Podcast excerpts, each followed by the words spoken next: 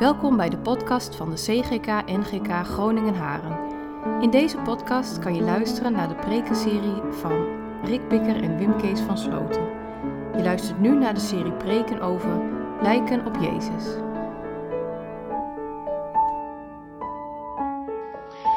In de komende tijd hoop ik samen met Wim Kees tot aan Pinksteren en ook nog een poosje daarna met jullie stil te staan bij de vrucht van de geest uit Galaten 5.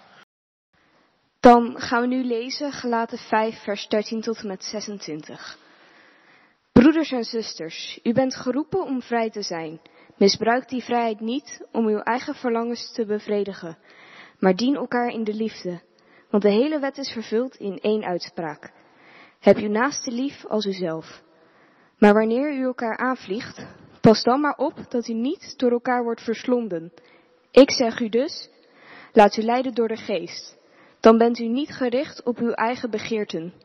Want wij uit onszelf, wat wij uit onszelf ja, najagen, is in de strijd met de geest. En wat de geest verlangt, is in de strijd met onszelf. Het, het een gaat in tegen het ander, dus u kunt niet doen wat u maar wilt. Want wanneer u door de geest geleid wordt, bent u niet onderworpen aan de wet. Het is bekend wat onze eigen wil allemaal teweeg brengt. Ontzucht, ontucht, zedeloosheid en losbandigheid. Afgoderij en toverij, vijandschap, tweespalt, jaloezie en woede, gekonkel, geruzie en rivaliteit, afgunst, bras en slempartijen en nog meer van dat soort dingen. Ik herhaal dus de waarschuwing die ik u al eerder gaf. Wie zich aan deze dingen overgeven, zullen geen, zullen geen deel hebben aan het koninkrijk van God.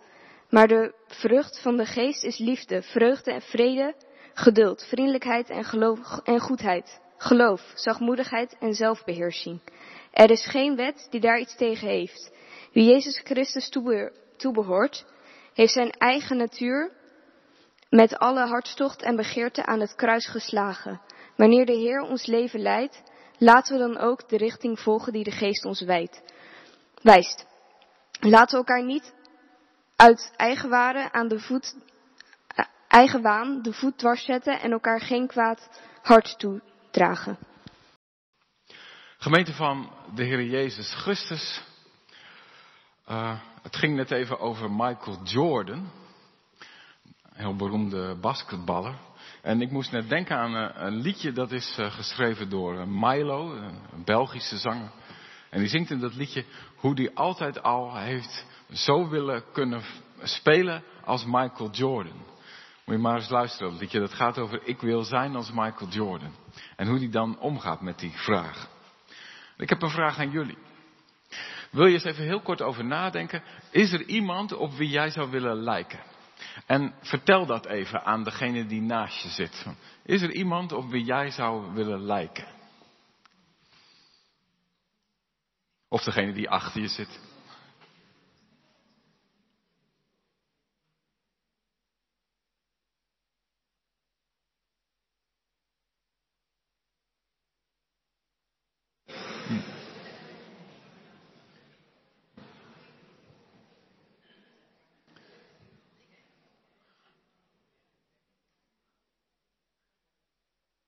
Zijn er mooie dingen uitgekomen? Verrassende dingen? Roep eens wat. Wat hoorden jullie? Brad Pitt. Oké. Okay. Ja, jij wil op Brad Pitt lijken? Oh, oké. Okay. Nog andere dingen? Kelly? Harry Potter. Ja, ja, jij wil kunnen vliegen. Ik weet het. Ik snap het heel goed, Kelly. Heel goed. Ja. Nou, maar er is van alles. Hè. Je kunt aan mensen denken die uh, heel knap zijn, of mensen die heel slim zijn, of mensen die heel beroemd zijn, of nou, van alles. Um, waar wij het in die komende tijd in die preken over gaan hebben met elkaar, is lijken op Jezus. Mag ik de eerste sheet van jou, uh, Hans? Ja, lijken op Jezus. En mag ik meteen de volgende? Lijken op Jezus, dat is een lijn in de Bijbel niet alleen maar zo van dat is hè, van, uh, ik ga eens even nadenken. Ik, ik kies tien mensen uit van, op wie ik wil lijken. En één is dan Jezus. En dan denk ik, waar zal ik beginnen? En dan wordt het mijn project. Van, laat ik eens iemand bedenken op wie ik wil lijken. Dat is niet het idee. Het idee is andersom. En daarom heb ik even deze Bijbeltekst uh, erop gezet. Even uit een andere vertaling, voor, ook voor de jongeren, dat je het goed kan volgen. Dit is Jezus, die zegt, het is waar wat ik zeg. De zoon, daar bedoelt hij zichzelf mee, Jezus kan niets doen uit zichzelf. Hij doet alleen wat zijn vader hem voordoet. In feite doet de zoon hetzelfde als zijn vader. De vader houdt van de zoon en laat hem steeds zien wat hij doet. En de vader zal hem nog grotere dingen laten doen. U zult uw ogen nauwelijks kunnen geloven. Zoals de vader de doden levend maakt, zo zal ook de zoon levend maken wie hij wil. Dankjewel Hans. Dus ik wil even laten zien dat er een lijn is in de Bijbel van Jezus is de zoon omdat hij doet wat zijn vader doet. We hebben natuurlijk wel vaker gehad over dat je kind van God bent, hè, of zoon van God. En als ik dat woord zoon gebruik, dan maakt het niet uit welk geslacht of gender je bent. Dat is voor iedereen. Uh, zoon, dat, dat, dat heeft een, een bijbelse lijn. Dus er is niemand hier die moet zeggen, oh, dat gaat niet over mij. Maar uh, een zoon is dus, ik hoor bij de vader, ik ben thuis bij de vader, ik hoef me geen zorgen te maken over de liefde van de vader, want dat is onvoorwaardelijk.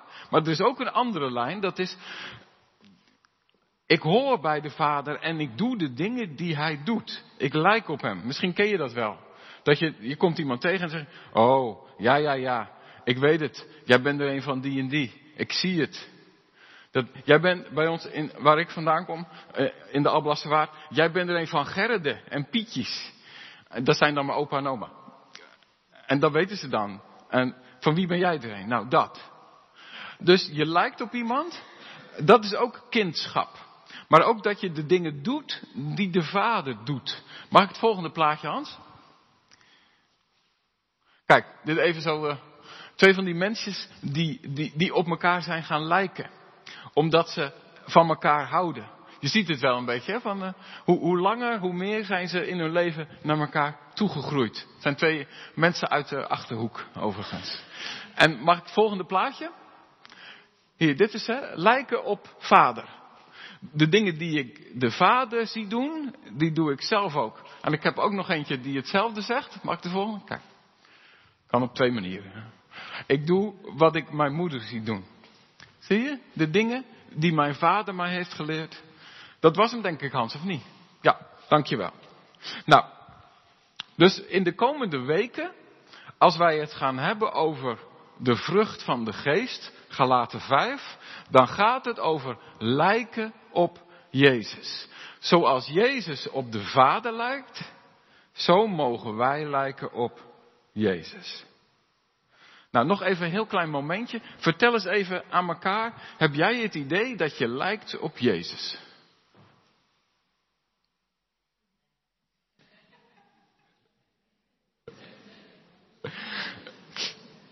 Ik hoor geen uh, hele gesprekken over mensen zeggen, nou, ik ben aardig in de buurt. ik zal ook niet vragen of je dan je hand op wil steken.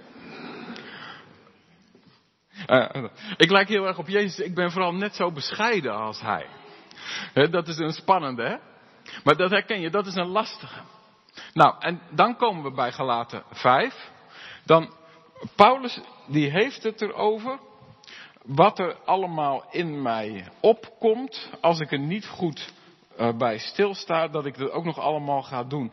Wat wij uit onszelf najagen, noemt hij dat. Het is bekend wat onze eigen wil allemaal teweeg brengt. Johannes, of uh, Galaten 5 vers 19. Dus Paulus die zegt eigenlijk van, ik heb een probleem met wat er in jullie tijd, in jullie cultuur heel veel wordt gezegd. Moet je maar eens opletten hoe vaak wij tegen elkaar zeggen, volg je hart. Laat je leiden door je hart. Doe wat je gevoel je ingeeft. Dat, dat is voor ons een soort, uh, dat is een ding. En Paulus zegt, nou, misschien moet je daar als christen ook nog wel eens kritisch op zijn, op wat er uit je hart voorkomt. Wat er leeft in je hart. En moet je je altijd door die dingen laten leiden. Nou, en dan komt die lijst van moeilijke woorden. Um, dus ik ga even de hulp vragen van de tieners. Uh, Paulus die zegt, wat onze eigen wil allemaal teweeg brengt is ontucht. Wie weet dat? Tieners? Ontucht? Ja, ik dacht het al. Um, ik doe ze even allemaal. Zedeloosheid. Iemand losbandigheid? Oké, zal ik ze even doen? Um, ik, ik, dacht het al wel. Uh, en dit is dan de nieuwe vertaling nog, hè? Maar dat zijn woorden die, die, zitten helemaal niet meer in onze cultuur. Weet je waar hier Paulus het eigenlijk over heeft? Hij heeft het erover dat je seks hebt met iemand van wie je niet houdt. Gewoon omdat het kan. En dat dat helemaal niet vastzit in een relatie waarin je elkaar lief hebt en waarin je trouw bent aan elkaar. En Paulus zegt, als je zo keuzes maakt, dan loop je op een gegeven moment vast in jezelf. Dan, dan levert dat enorm veel ellende op. Je moet niet elke keer maar doen wat er in je hoofd opkomt, want als je zulke keuzes maakt, dan gaat mis. En dan geeft hij nog een voorbeeld. Hij zegt, afgoderij en toverij, vijandschap, tweespalt. Weet jullie wat dat is? Tweespalt. Dat is dat je, nou laten we zeggen, dat je bijvoorbeeld in een gemeente elkaar de hersens inslaat over vrouw en ambt. Ik noem maar wat. Zo. Iets willekeurigs. Dat is tweespalt. Dat je jezelf uit elkaar laat spelen en dat er oneenigheid bestaat over dingen eh, waar dat helemaal niet zou moeten. Um, en dan heeft hij nog um, vijandschap. Hè? Dus dat je binnen een gemeenschap gewoon blijft volhouden. Die familie die moet ik niet. Want ooit heeft zijn opa tegen mijn opa dat gezegd. Dat. Gekonkel. Dat is dat je over elkaar kletst. Dat je roddelt over elkaar. Dat je uh, verdraait hoe, wat er gebeurd is. Dat je leugentjes vertelt over elkaar. Dat je groepjes maakt. Maar wij zijn samen tegen hen. En dan uh, rivaliteit en geruzie. Maar dat snappen we allemaal wel, hè. Laten we heel eerlijk zijn, dat zit gewoon in ons hart. En als je niet oplet, dan gaat dat gewoon spelen en dan gaat het mis. En je ziet het in het klein. Je ziet het ook bij ons af en toe dat het heel lastig is om echt elkaar te snappen, elkaar te vinden, elkaar terug te vinden. Maar je ziet het ook in het groot. Als ik nou hoor welke taal we de afgelopen weken allemaal hebben gehoord op het journaal over dat conflict in de Oekraïne, dat, er wordt al over wereldoorlogen gepraat. Je ziet het gewoon groter worden en niemand weet hoe je dat terug in de doos krijgt. En dan heeft hij het ook nog over bras- en slamppartijen. Ik zal het even vertalen voor de tieners. Dat is gewoon dat je veel te veel drinkt. Dat is eigenlijk gewoon zuipen. Dat is wat hij zegt. En dat je dan met je dronken kop allemaal dingen doet waar je later verschrikkelijk veel spijt van hebt. Je denkt, oh, heb ik dat bedacht. Paulus die zegt dus, ik wil graag dat je beseft van, je moet niet alles doen wat er opkomt in je hart. Laat ik deze twee liter wodka in één keer leeg drinken? Geen goed idee. Moet je niet doen. Nou, zulke soort dingen, hè. Dus waar wij zeggen, volg je hart, daar zegt Paulus, let er nou eens op dat er regelmatig dingen voortkomen uit je hart. Als je dat gaat doen, dan krijg je grote problemen. Dan gaat het mis. Nou, en dat herkennen we allemaal. Dus, weet je wat, laten we dat gewoon eens even doen. Wie van jullie zegt, ja, die, die worsteling die ken ik. Bij mij gaat het ook regelmatig mis. Ja, oké, kijk maar eens even om je heen. Zie, je bent niet de enige. Dat. Nou, en als Paulus dat benoemt, dat is waar jij niet lijkt op Jezus. En dat is ook waar je het voelt. Hoe Jezus het doet en hoe ik het doe, dat gaat verschillend. Daar zit heel veel tussen. En er zijn momenten dat je dat heel goed voelt. En herken je dat gemeente dat als je op dat moment bent, als je op die plek bent, dat je heel goed voelt, ik heb me laten leiden door mijn hart en het ging mis. En het is anders dan hoe Jezus het zou doen en het is anders dan hoe, hoe God het zou vragen, dat je dan ook het idee hebt van, uh, het wordt nooit meer wat met mij. En dat je dan denkt van, oh, dit is de honderdduizendste keer. En dat je denkt van, uh, zou God mij nog wel willen? Ken je dat? Dat er dan een soort, uh, ja, ja, dat je dan niet echt bemoedigd bent. En dat je niet helemaal durft te hopen dat het nog wat wordt met jou. Dan kun je zomaar inschieten in dat gevoel. Nou, weet je, het mooie is dat Paulus dus eerst zegt van let erop, dit komt voort uit je hart. Dit komt voort uit jou af en toe. En dat zijn we allemaal. Dus wees je daarvan bewust. Maar dat is niet om dan, zeg maar, om mij nog even de grond in te trappen. En om tegen ons te zeggen, ja, jullie zijn nou wel heel kerkelijk, maar het wordt nooit wat met jullie, want dit, is, dit zit er toch in en dat komt er niet uit ook. Dus uh, laat maar zitten. Nee, Paulus die zegt dat omdat hij ons daarvan bewust wil maken. Dus eigenlijk, je kan het vergelijken met een garagehouder en je brengt je auto bij de garage en dan zegt hij, je remmen doen het niet. Dan zeg je ook niet van, uh, ja, is dat nou wel fijn om daarover te praten? Ik vind het eigenlijk wel jammer dat hij daar nou over begint, want ik vind het helemaal niet leuk om te horen. Ja, het is wel goed dat hij het even zegt. Want er moet wat aan gebeuren. Nou, dat is hier ook. Paulus die zegt, zie je dat probleem? Herken je het? En dan zegt hij, en nu, en dat is dan de andere kant, hè. Er is ook goed nieuws, want, één, er is de Heilige Geest. En waar het jou niet lukt om uit die gedachtenkronkels te gaan, of uit die patronen van gedrag te gaan in je leven, die dingen waar je elke keer weer in vastloopt, waarvan je ook wel voelt dat die geen vrijheid opleveren, maar ellende. Paulus zegt, ja, maar de Heilige Geest, die wil jou helpen om daaruit te komen. Die wil jou anders maken. Die wil jou nieuw maken. Net zei, God die kan mensen uit de doden opwekken. Jezus doet dat ook en hij maakt jou helemaal nieuw. Dus eigenlijk een soort de samenvatting van de preek van Pasen. Nou, en daar gaan we nu dus mee verder. Dus de Heilige Geest is hier. En als jij door het geloof jezelf toevertrouwt aan Jezus. Ik zal het even nog een keer zeggen, op een andere manier. Als jij met al die dingen die niet lukken, niet in een hoekje gaat zitten wachten tot het overgaat. Maar geloof dat Jezus van jou houdt met alles wat er niet lukt. En naar hem toe gaat en zegt, Jezus, dit gaat er allemaal niet goed. Dan zegt Jezus, ik geef jou mijn geest. Ik geef jou de Heilige Geest. En ik wil jou veranderen. Ik maak jou nieuw. Ik maak jou anders. En dan maak ik jou zo dat je gaat lijken op Jezus. En weet je wat nou zo bijzonder is? Dat eerste stukje hè, over die, eh, die bras- en slampartijen en al die andere dingen waar Paulus ons voor waarschuwt. Dat zijn dingen, daar hoef je niks aan te doen. Dat komt vanzelf uit je hart. En dat gaat gewoon maar door.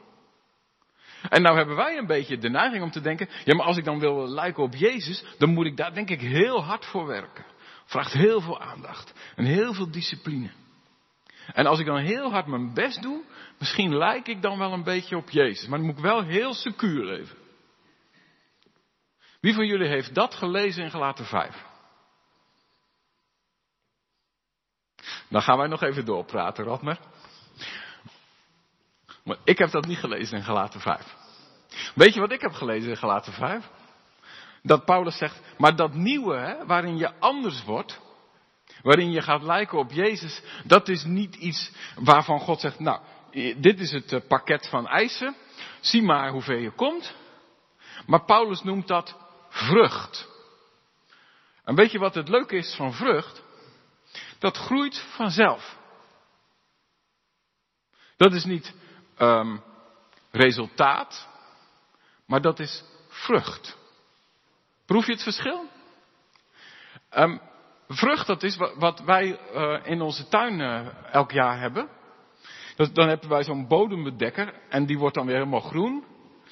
En dan op een gegeven moment zeggen wij, hé, hey, ik zie weer groene dingetjes. En die groene dingetjes, dat worden dan aardbeien.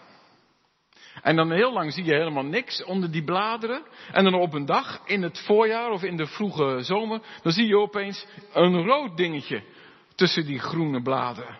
En dan is er opeens een aardbei. En dan is er iemand van ons en die is door de tuin gelopen en die heeft die aardbei gezien. En die pakt hem op en die neemt hem mee. En die zegt, de eerste aardbei. En dan ben je, dat, daar zit dan iets blijs in, hè? iets vrolijks. Dat, hè? Dat is vrucht. Dus wij hebben daar niks aan gedaan. We hebben het niet eens doorgehad dat het groeide, maar het deed het wel en opeens was het er. Hé, hey, daar is hij. hey, en dan ben je blij en dan geniet je daarvan. Dat is vrucht. Dus dat moet je even onthouden. Dus waar we het de komende keren over gaan hebben, dat is niet mijn programma van ik moet het beter doen. Daar komt natuurlijk wel zoiets bij van dat je nadenkt en dat je discipline hebt en dat je jezelf probeert te, te focussen. Maar daar begint het niet. Het begint erbij dat God zegt, ik maak jou nieuw, ik geef jou vrucht. En daar hoort bij die vrucht negen woorden. Maar het is één vrucht. En die negen woorden, die heeft uh, Maria met ons gelezen. Vers uh, 22. Maar de vrucht van de geest is liefde, vreugde, vrede, geduld, vriendelijkheid, goedheid, geloof, zachtmoedigheid en zelfbeheersing. Wie van jullie zegt, ah daar zitten dingen bij, daar wil ik wel meer van. Ja, ik ook. En misschien dat ook wel iemand zegt, ik wou voor mijn man wel wat meer van dat.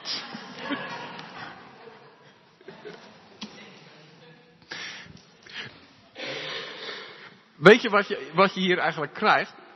Het is een plaatje van Jezus. Dat zijn negen woorden die samenvatten wie Jezus is. En je hoeft dus niet te zeggen van, nou, voor, voor hem wat meer geduld, voor haar wat meer vriendelijkheid, voor die persoon wat meer vrede, en daar is iemand en die wil meer van dat. Nee, dit is iets wat je in één keer krijgt. Het voorbeeld, waar heel veel dominees heel blij mee zijn, is eh, de vrucht van de mandarijn. Moet je maar, ik weet niet, ja, het is een beetje voorbij de tijd van mandarijn, hè, maar moet je maar eens op letten. Als je hem openmaakt, is er heel vaak negen patjes.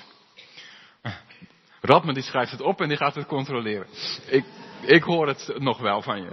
Ja, maar nou, als het niet klopt hoor ik het wel. Maar denk daar maar aan. Eén vrucht, negen patjes. Hey, en weet je wat nou zo leuk is? En ik hoop dat je deze echt, echt meeneemt naar huis. Dat eigenlijk God hier zegt. Weet je, ik ben niet allereerst geïnteresseerd in de dingen die jij doet. Dat denken wij wel eens. Hè? Denken we, oh wij zijn gereformeerde kerkmensen en wij moeten allemaal dingen doen. Moet dit goed doen, moet dat goed doen, mag daar niet aan houden, daar moet ik op letten. En God is geïnteresseerd in dat ik al die dingen doe. En daar gaan we ook nog wel een keer over hebben. En er zijn wel dingen die je beter wel kan doen en dingen die je niet moet doen, want dat is heel gevaarlijk. Nou, daar hebben we het net al over gehad. Hè? Je moet niet alles doen wat er in je hart opkomt, maar het gaat er niet om dat God zegt, ik heb een paar klusjes voor jou. God is geïnteresseerd in je karakter, in wie je bent. Als God in jouw leven binnenkomt, dan gaat hij jou anders maken in wie je bent. Zie je dat? Zie je dat daar liefde achter zit? Ik maak jou nieuw. Ik heb geen klussen voor je, maar in wie jij bent, daarin wil ik jou anders maken. En ik wil jou helpen in die dingen waar je mee worstelt. Je ongeduldigheid, je temperament, je kleingeloof, je onbesuistheid. Ik wil je daarin leiden. En dat doe ik door mijn geest. Dat doe ik door de Heilige Geest. En daar wil ik wel bij zeggen, van, dat is dus niet zoiets dat we zeggen van nou, we hebben tot Pinksteren en dan nog twee weken. En dan, dan is er hier niemand meer in de hoeksteen ongeduldig. Dat gaat, dat, zo werkt het niet. Daar komen we ook nog wel op eh, in de komende tijd van. Weet je, dat zijn vaak ook veranderingen die je zelf niet eens ziet. Het zijn vaak veranderingen die mensen om je heen zien. En, en, en dat is wat ik nog even wilde noemen. Want het zijn drie paren van woorden. En de eerste paar, liefde en blijdschap en vrede, dat zijn eigenlijk de dingen die vooral iets zeggen over hoe jouw relatie met God eruit gaat zien. En dan komen er een paar woorden die gaan over je relatie met een ander. En dan komen er ook nog een paar woorden die gaan over je relatie met jezelf. Dat is een manier om het in te delen. Er zijn nog andere manieren hoor, maar zo gaan wij het nu even doen. Dus liefde, vreugde en vrede. Dat is ook wie God is. Hè? Het begint niet voor niks met liefde. Want God is liefde. Maar dat is ook hoe jouw relatie met Hem gekenmerkt mag worden. Daar komen die dingen in mee. En dan uh, geduld, vriendelijkheid en goedheid. Zie je? Dat zijn dingen waar je, je, je, je huisgenoten ook heel blij van worden. Hè? Als je daar wat meer van hebt. Dus die zijn vooral ook voor mensen om je heen. En dan die laatste, zachtmoedigheid, geloof en zelfbeheersing. Ja, dat zijn ook wel een beetje cadeautjes voor jezelf. Als je daar meer van hebt, dan word je zelf ook gewoon gelukkiger van. Zo gaan wij het even indelen. Um, maar die eerste dus, het is ook niet voor niks dat het gaat over God liefhebben en je naaste als jezelf. Zie die drie dingen die zitten er ook weer in. Maar het begint dus met wat er komt als God zichtbaar wordt in je leven. Als je God leert kennen. Als je door Jezus één wordt met Hem. Ja, liefde, want God is liefde. En voor de mensen die, uh, die daar wat, ja, die dat woord kennen. In het Grieks staat daar uh, de agape, liefde. Uh, dus dat is een liefde die zichzelf geeft. Dat is de liefde van het kruis. Die liefde staat hier. Dat is de liefde die ermee begint dat God zichzelf geeft. Dat Jezus zich geeft. En, en dat is wat er dan ook in een christenleven groeit. Dat je niet meer de belangrijkste bent. Dat het niet meer gaat om wat haal ik eruit, wat win ik ermee, kost het me niet te veel. En dat is dus iets wat vanzelf groeit. Dat je makkelijker zegt, oh ik offer dit wel op. Niet omdat het moet, maar omdat de Heilige Geest jou op een weg leidt waarin je gemakkelijker iets geeft aan een ander, uit liefde. Dat is de vrucht van de Geest. Dus het is niet een klus, maar het is een manier van kijken. Dat je kijkt naar mensen zoals Jezus naar mensen kijkt. Die zegt, ik heb met open armen op jullie staan wachten, maar jullie wilden niet. Jezus die alles geeft. Die manier van kijken komt vanzelf. En daarin ga je op hem lijken. Als dat zo zegt, dan denk ik, oh wat is dat eigenlijk mooi. Dat is een mooie manier van leven. Dat het niet meer gaat om mij. Ah, daar kan ik zelf ook nog wel in groeien, denk ik. Die tweede, blijdschap.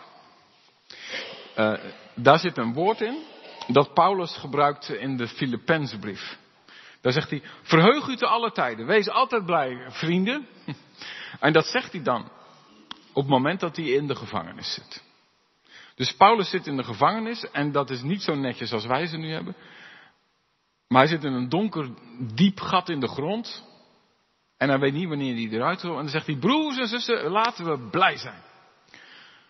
Nou, dat is vreugde die hier wordt genoemd. Dat is dus niet een vreugde van, uh, nou, ik ben op vakantie, ik heb een uh, lekker drankje, ik zit aan het strand, ik heb een mooi uitzicht, ik ben blij.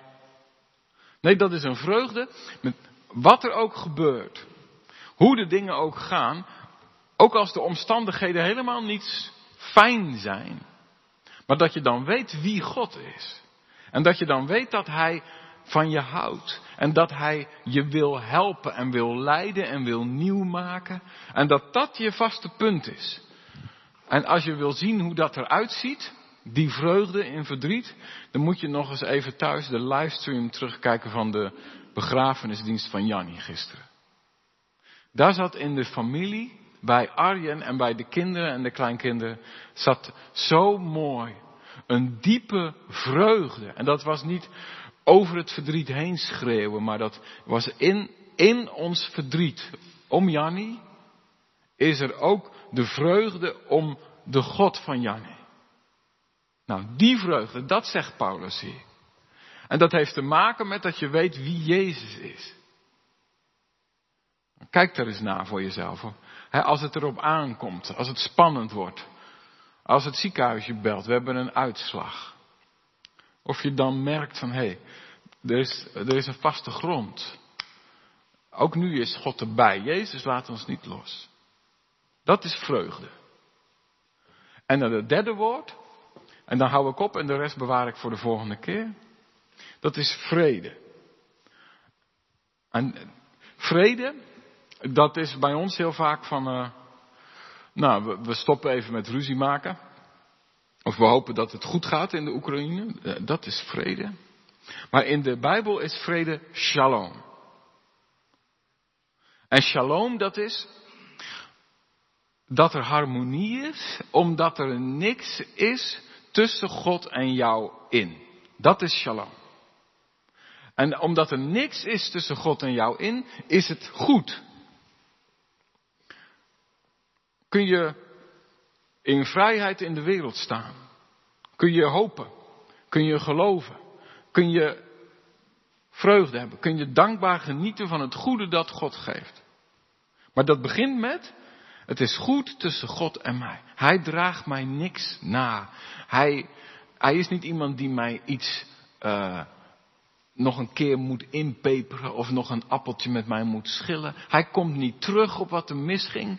Hij is niet teleurgesteld als het weer misgaat, maar hij zegt, kom naar mij toe. Dat is het begin. Dus die vrucht van de geest, hè, dat je nieuw wordt, dat er een vrijheid komt in je, de vrijheid van de geest, dat je uit die oude sporen kan gaan, die kan er alleen zijn als jij weet van die vrede. Dat God inderdaad het goede met je voor heeft. Dat hij je niet nog een keer terugkomt op dingen van vroeger, maar dat hij je met graagte en met gulheid vergeeft. Dus ik wil aan je vragen, als wij nou straks in de komende weken verder gaan met die vrucht, wil je dan eerst in de komende tijd gewoon eens even tijd nemen om daarbij stil te staan? Geloof ik dat echt? Dat omwille van Jezus God mij vergeeft.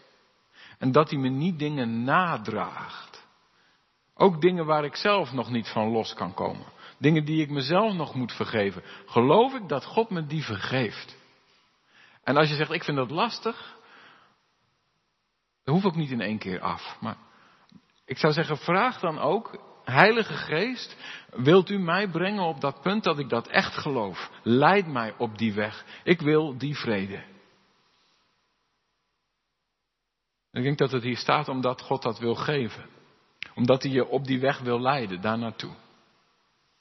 Ik wil graag straks met jullie bidden. Dat deze dingen gaan groeien in de gemeente. In ons midden. Zodat God zichtbaarder wordt voor ons en voor de mensen om ons heen. Maar ook dat we zelf gewoon daarvan genieten. En dat we genieten van elkaar. Dat we zeggen, hé, hey, we hadden er al een paar die heel erg lijken op Jezus. Dan misschien vind je dat raar dat ik dat zeg, maar. Dan, uh, mag ik eens een naam noemen? Op het, op het gevaar of dat het nu misgaat, maar. Uh, als ik dan als ik kijk naar onze broer Bram Lutijn, hè, dan denk ik, ach, dat is iemand die lijkt op Jezus. En dat vind ik zo heerlijk. En zo zijn er nog een heleboel, ik ga jullie allemaal niet opnoemen. Maar dat, hè? En dat we daar samen naartoe willen groeien.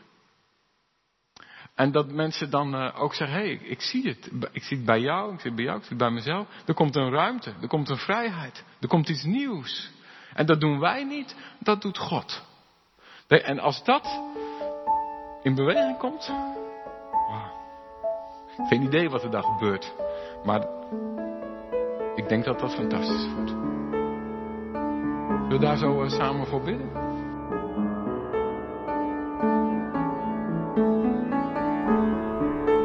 Bedankt dat je naar deze podcast hebt geluisterd. Wil je reageren? Stuur dan een e-mail naar podcast.cgk-gn.nl. Hopelijk tot de volgende aflevering.